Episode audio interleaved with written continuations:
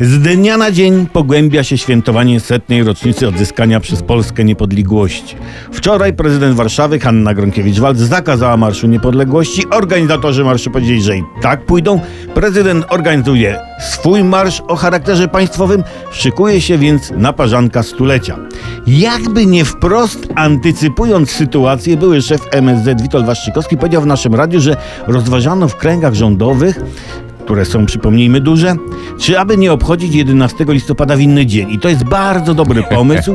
Można by na przykład 11 listopada obchodzić 22 lipca. To święto jest wolne. Ciepło, żniwa jeszcze się nie rozkręciły, rozgrzane łby z 11 listopada już ochłoną. No ten plan nie ma luk. Co więcej, warto go rozszerzyć i tak na przykład 3 maja świętować 7 września. Wielkanocnym jajeczkiem dzielić się 14 grudnia na placu zamkowym. Opłatek z prymasem 8 czerwca podczas dorocznego spływu kajakowego na Mazurach szlakami Sabały z okazji Konstytucji 3 maja na przykład.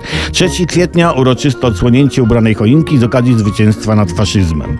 To, to radosne świętowanie rocznic i świąt w dniach innych niż tradycyjne miałoby taki wymierny skutek pozytywny. Jeszcze jak władze nie powiadomią obywateli o tych pogodnych zmianach, albo zrobią to w ostatniej chwili, wtedy nie będzie czasu na organizowanie marszów i ich zabranianie i w ten sposób unikniemy wstydu, a śmiechom i poklepywaniom nie będzie końca.